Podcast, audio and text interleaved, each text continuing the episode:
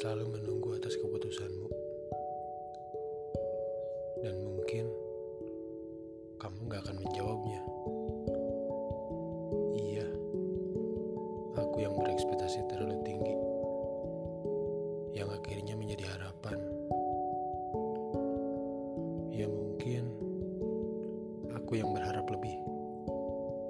Tapi bukan kamu yang ngasih harapan. Sekian.